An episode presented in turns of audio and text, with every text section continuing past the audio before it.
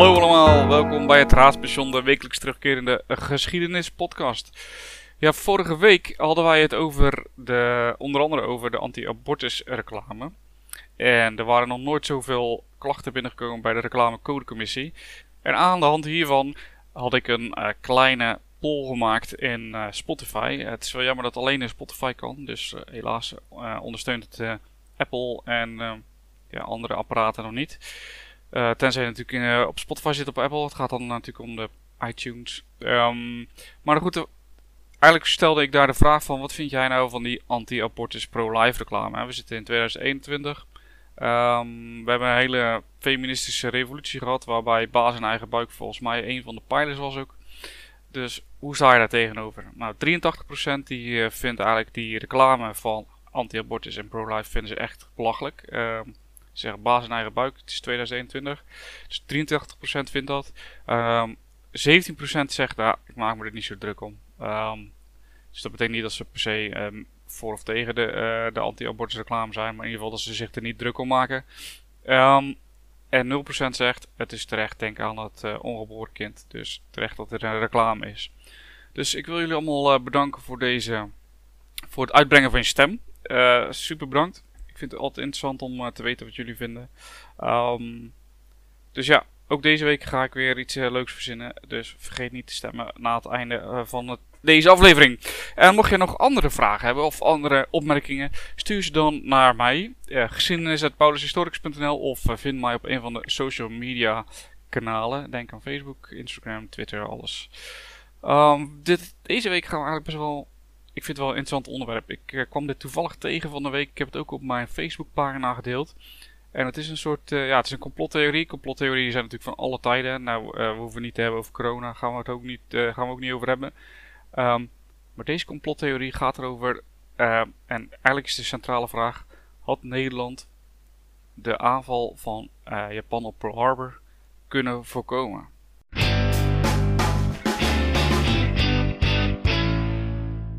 We gaan terug naar de Tweede Wereldoorlog.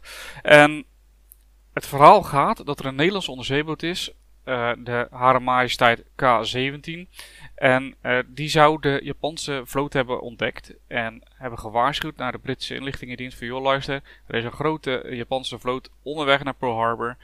Uh, ja, met uiteraard geen goede bedoelingen. En dan vraag je je nu natuurlijk af, leuk, leuk verhaal. Maar waarom wisten de Amerikanen dan niet hè, dat Pearl Harbor aangevallen werd? Nou, er zijn natuurlijk ook verhalen bij inlichtingenofficieren hè, van de Amerikaanse inlichtingendienst dat zij min of meer wel een vermoeden hadden dat Pearl Harbor aangevallen werd. Uh, en eigenlijk gaat het hier een soort politiek spelletje heel de tijd. Uh, ook bij dit, uh, bij dit verhaal. En dan zien we dat zowel de Engelsen als de Amerikanen eigenlijk willen dat Amerika aangevallen wordt in Pearl Harbor. Het zit namelijk zo, die Amerikanen, het, vooral het Amerikaanse volk, is heel isolationistisch. Ze willen namelijk eigenlijk niks met Europa te maken hebben. Hè. Na de Eerste Wereldoorlog zijn ze helemaal genezen. Hebben ze zoiets van, hey, zoek lekker uit daar op de Europese bodem. Wij leven hier in Amerika, niks aan de hand, lekker, alles top. Uh, maar de leiders, uiteraard, van Amerika, die zien het grotere gevaar. Die zien uh, dat Duitsland niet gaat stoppen op het moment dat hij klaar is in Europa. En eigenlijk willen zij betrokken worden in die oorlog. Hè. Dus in eerste instantie zie je dat ze heel veel materieel maken voor de Engelsen. Heel veel hulpgoederen sturen. Maar meer kan president Roosevelt niet doen. En hij heeft eigenlijk een soort aanleiding nodig om toch in die oorlog betrokken te worden. Nou, eh, we weten natuurlijk nu achteraf dat Pearl Harbor, hè, dat was net dat setje voor, de, voor het Amerikaanse volk om uh, zich toe te, ja, hoe zeg je dat? Om zich uh, toe te zetten om eigenlijk die oorlog mee te gaan voeren.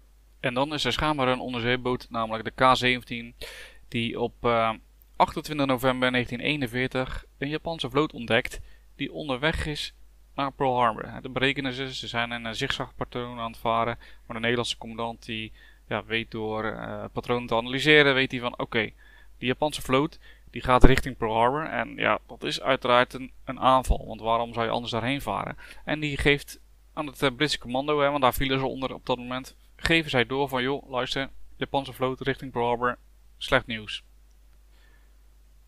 Die boodschap is volgens een of andere uh, Christopher Crichton is die onderschept door een Britse geheime dienst genaamd Section M.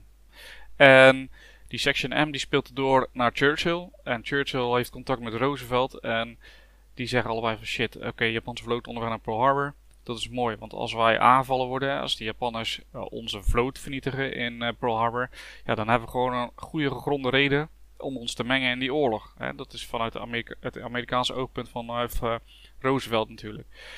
Dus er blijft maar één optie over om dit uh, geheim te houden. En dat is om die uh, die Nederlandse onderzeeër, op te blazen. Nogmaals, dit is allemaal um, ja, uit de hoge hoed getoverd hè, van Christopher Crichton. Die, die geeft aan dat hij dat gedaan heeft.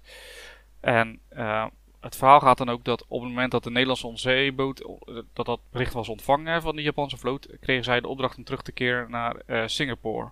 Door middel van een Barrick vliegboot zou Crichton uiteindelijk aan boord komen van de K-17. Hij heeft allemaal kratten bij zich. Hij zegt, ja, dit zijn kerst, uh, kerstcadeautjes van de Britten voor jullie. En dat klopt ook. En de meeste van die uh, kratten zouden allemaal uh, zouden jenever zitten, bier zitten, champagne, allemaal kerstmisspullen. Maar in één krat zou er zogenaamd cyanidegas zitten. En in dat andere krat zou er explosieven met ontsteking met tijdschakelaars zitten.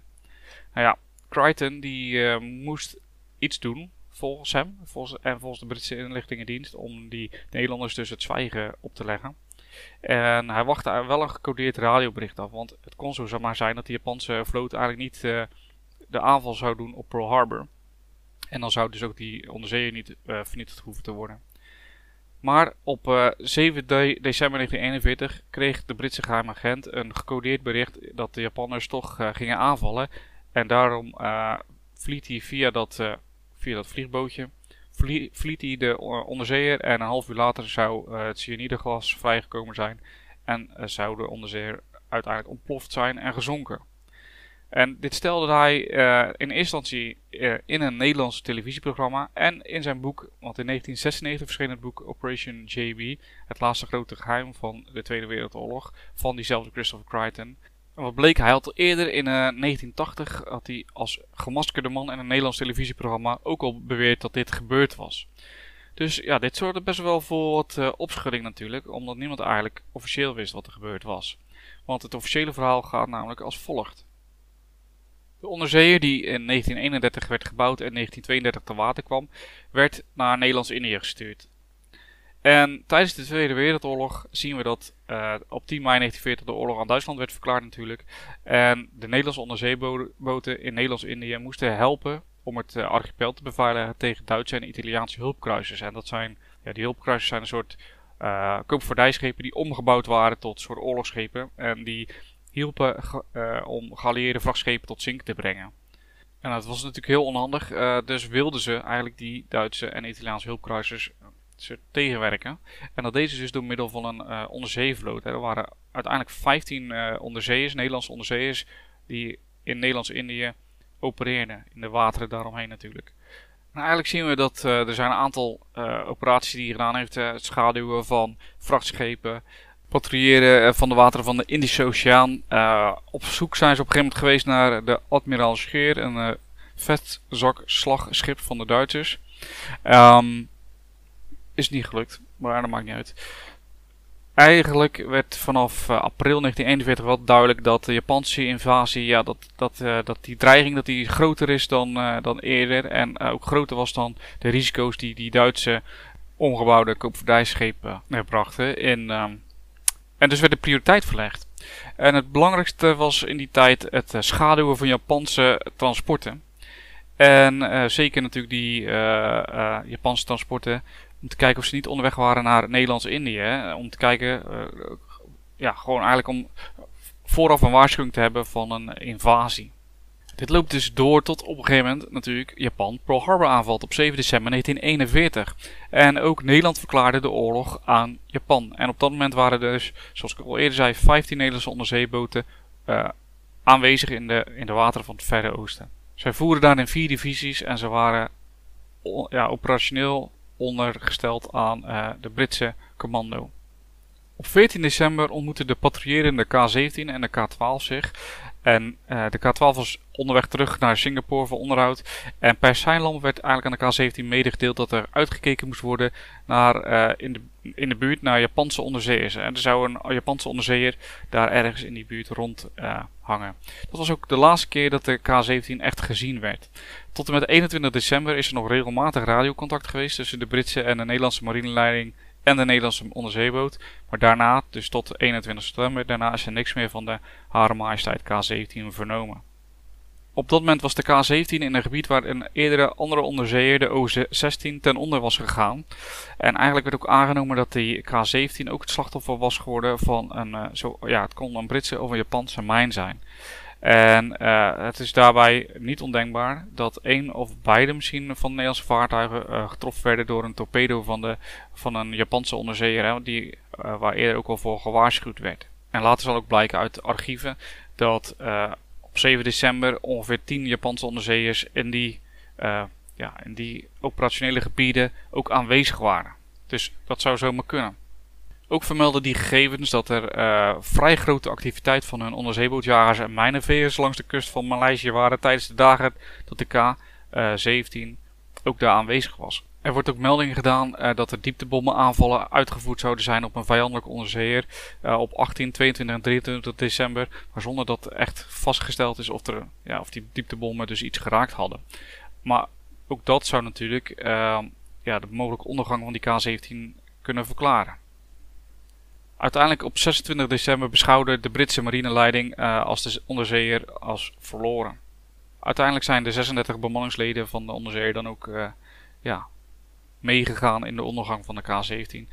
Ja, zoals je dus merkt is dat natuurlijk een andere uitleg als die, uh, die Christopher Crichton heeft gegeven. En die Crichton die zegt ja, ik heb hem opgeblazen. Maar de officiële bronnen zeggen hij is waarschijnlijk op een mijn gelopen of misschien wel door een dieptebom geraakt. Of misschien zelfs een ja, een torpedo van een vijandelijke onderzeeër. Ja, als we zo'n mysterie dus hebben, hè, we hebben aan de ene kant die Christopher Crichton die zegt ik heb hem opgeblazen. Aan de andere kant uh, de officiële bronnen die zeggen hij is op een mijn uh, gelopen. Dan moeten we kijken naar de feiten. Wat, is, wat zijn nou de feiten waaruit we kunnen afleiden wie, welke waarheid het meest uh, voor de hand ligt. Hè? Want dat is wat je uiteindelijk moet doen omdat je het niet 100% zeker weet. Nou, allereerst is het stukje sectie M die Christopher Crichton die zegt, ja, er is, was een geheime dienst onder leiding van major eh, Desmond Morton, oftewel Section M. Maar in geen enkele papieren, uh, ook niet van, van, de geheime diensten en ook niet na, na oorlogsverslagen, alles is nagelopen. Maar er, is geen, er is niks bekend over een van een sectie M. Dus ja, of het überhaupt bestaan heeft, niemand weet het. Nou zou je zeggen, ja, als het een geheime sectie is, is het logisch. Maar goed, uh, het is, het is zeer onwaarschijnlijk. Daarnaast is het ook zeer onwaarschijnlijk dat Christopher Crichton, die op dat moment 15 was, uh, gerecruiteerd is uh, door, als geheime commando. En dat hij op 16-jarige leeftijd al een onderzeeër met 36 uh, opvarenden in de lucht zou laten vliegen. Dat is natuurlijk heel, heel gek. Het is niet echt geloofwaardig. Daarnaast is er nog een ander probleem, want op 26 november was de Japanse vloot vertrokken vanaf Etorofu. En dat is het meest zuidelijke gelegen eiland van de Kurillen. En dat was eigenlijk duizenden mijlen verwijderd, of ja, af van het operationele gebied van de K-17. dus de K-17 zou dus duizenden mijlen ten noorden van Japan zich hebben moeten bevinden om die Japanse vloot te kunnen ontdekken op 28 november.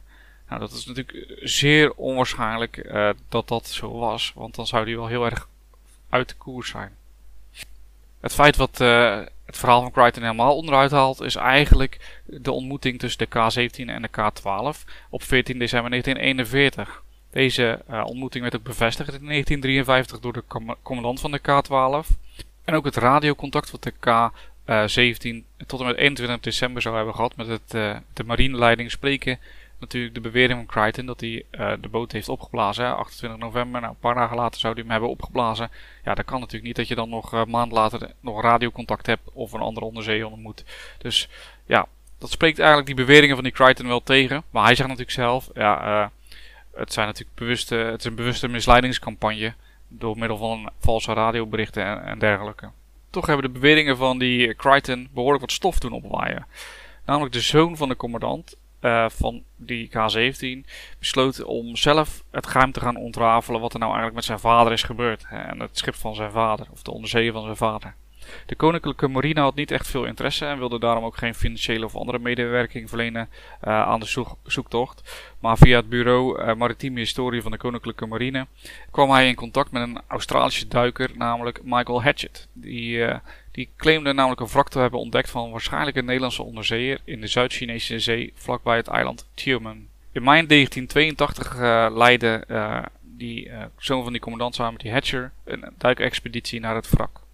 Nou, het uh, wrak was vrij diep in modder gezakt, dus ze konden het nummer op de boeg niet lezen. Ook het nummer op de, op de toren was niet leesbaar vanwege aangroeiing van het koraal. Maar uiteindelijk hadden de duikers het bronzen stuurwiel van de onderzeeër boven water kunnen halen. Het serienummer op dat stuurwiel, vergeleken met de gegevens van de marine, uh, ja, daarmee konden ze het wrak positief identificeren als de K-17.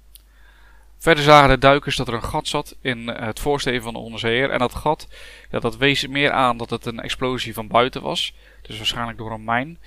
En zeker niet op een explosie van binnen. Je kan dat natuurlijk zien aan de manier hè, waarop zo'n gat natuurlijk uh, beschadigd is. Als het naar binnen is geslagen, dan is het een explosie van buiten. Is het naar buiten geslagen, explosie van binnen. Dat is natuurlijk nog uh, op zich wel makkelijk te, te, ja, te onderzoeken eigenlijk. Toch was er nog één vraag niet beantwoord. Het wrak lag namelijk bijna 20 mijl verwijderd van de plaats waar de Japanse mijnleggers hun mijnen hadden moeten leggen. In 1991 werd dit laatste puzzelstukje eigenlijk uh, op zijn plek gelegd. Toen uh, de zoon van de commandant een ontmoeting had met de Japanse marineofficier. En die wees uh, hem erop van ja, weet je, wij voeren daar met onze schepen. maar ook wij detecteren natuurlijk Nederlandse kruisers en onderzeeërs. En we hebben eigenlijk besloten om niet naar die plek toe te varen, maar terug te varen. En um, ja, de mijnen die wij neer hadden gelegd, hadden dus eigenlijk 30 kilometer verder naar het zuiden gelegd moeten worden. Ook wees hij op het boek The Day Imperial General Headquarters Trembled for Fear uit uh, 1968. En in dat boek wordt uh, beschreven dat de Japanse mijnen neer zijn gelegd op nog geen kilometer afstand van de plaats waar de K-17 uiteindelijk werd gevonden. Dus ja, als je dat natuurlijk allemaal bij elkaar legt, ja, dan snap je uh, dat het wel mogelijk is dat hij op een mine is gevaren, hè, die K-17. De zoektocht leidde uiteindelijk tot een uh, tweede wrak van waarschijnlijk ook een Nederlands onderzeeër. En die kreeg wel de nodige aandacht van de Koninklijke Marine. Het wrak wat ze gevonden hadden uh, bevond zich nog geen 10 zeemijl van de K-17. En eigenlijk in dezelfde lijn van waar de Japanse mijnen zouden moeten liggen. En aangespoord door familie en vrienden van de Hare Majesteit O16 organiseerde de marine een expeditie. En uh, die ontdekte ook dat wrak. En ook dat wrak werd positief geïdentificeerd als de O16. Dus eigenlijk uh, had hij tot Mijnenveld twee Nederlandse onderzeeërs uitgeschakeld. In 1996 werd die Christopher Crichton geconfronteerd met deze feiten. Van oké, we hebben het wrak gevonden. Alles lijkt op een explosie van buiten en niet vanuit binnenuit. Uh, ja, we hebben gevonden dat er mijnen lagen. We hebben die Japanse documenten. We hebben gezien hoe of wat er waar.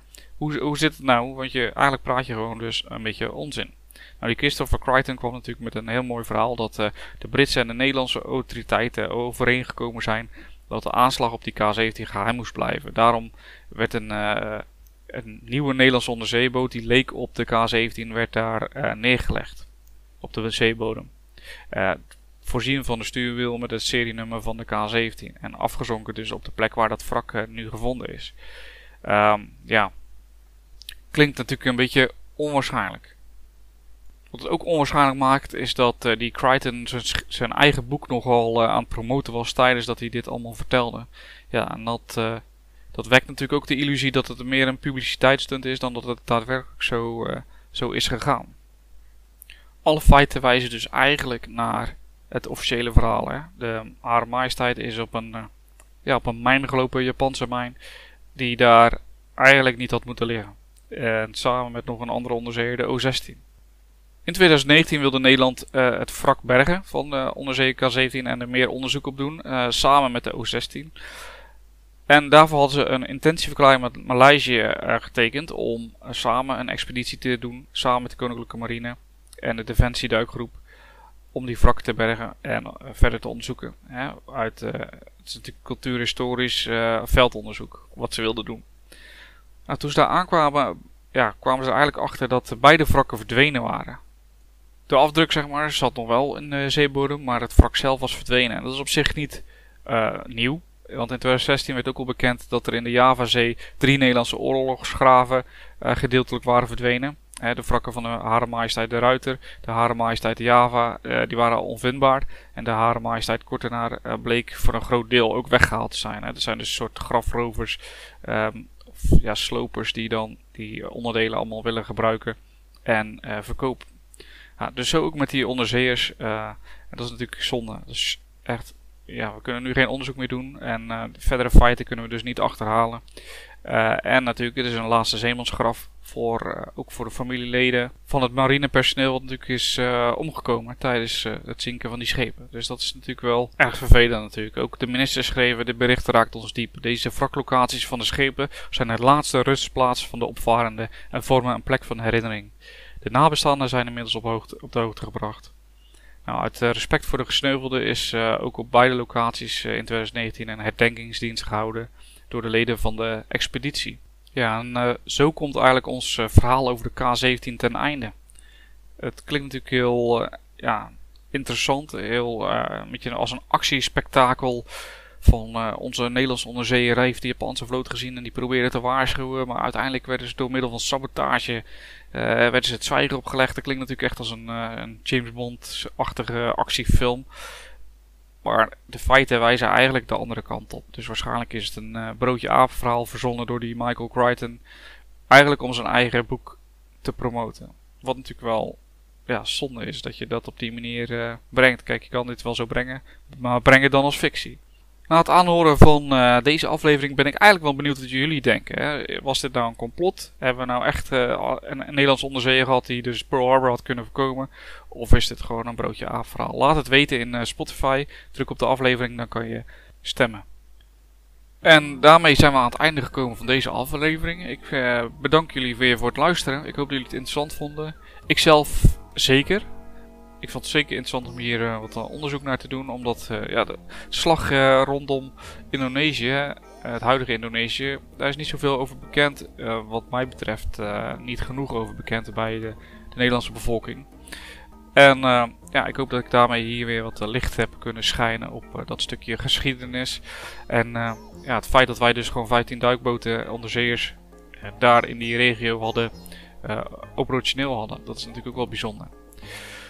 Dus nogmaals bedankt voor het luisteren en ik hoop dat jullie er volgende week weer bij zijn. En mocht je vragen hebben, stuur ze naar geschiedenis.paulushistoricus.nl of uh, zoek mij op op een van de socials. Tot volgende week.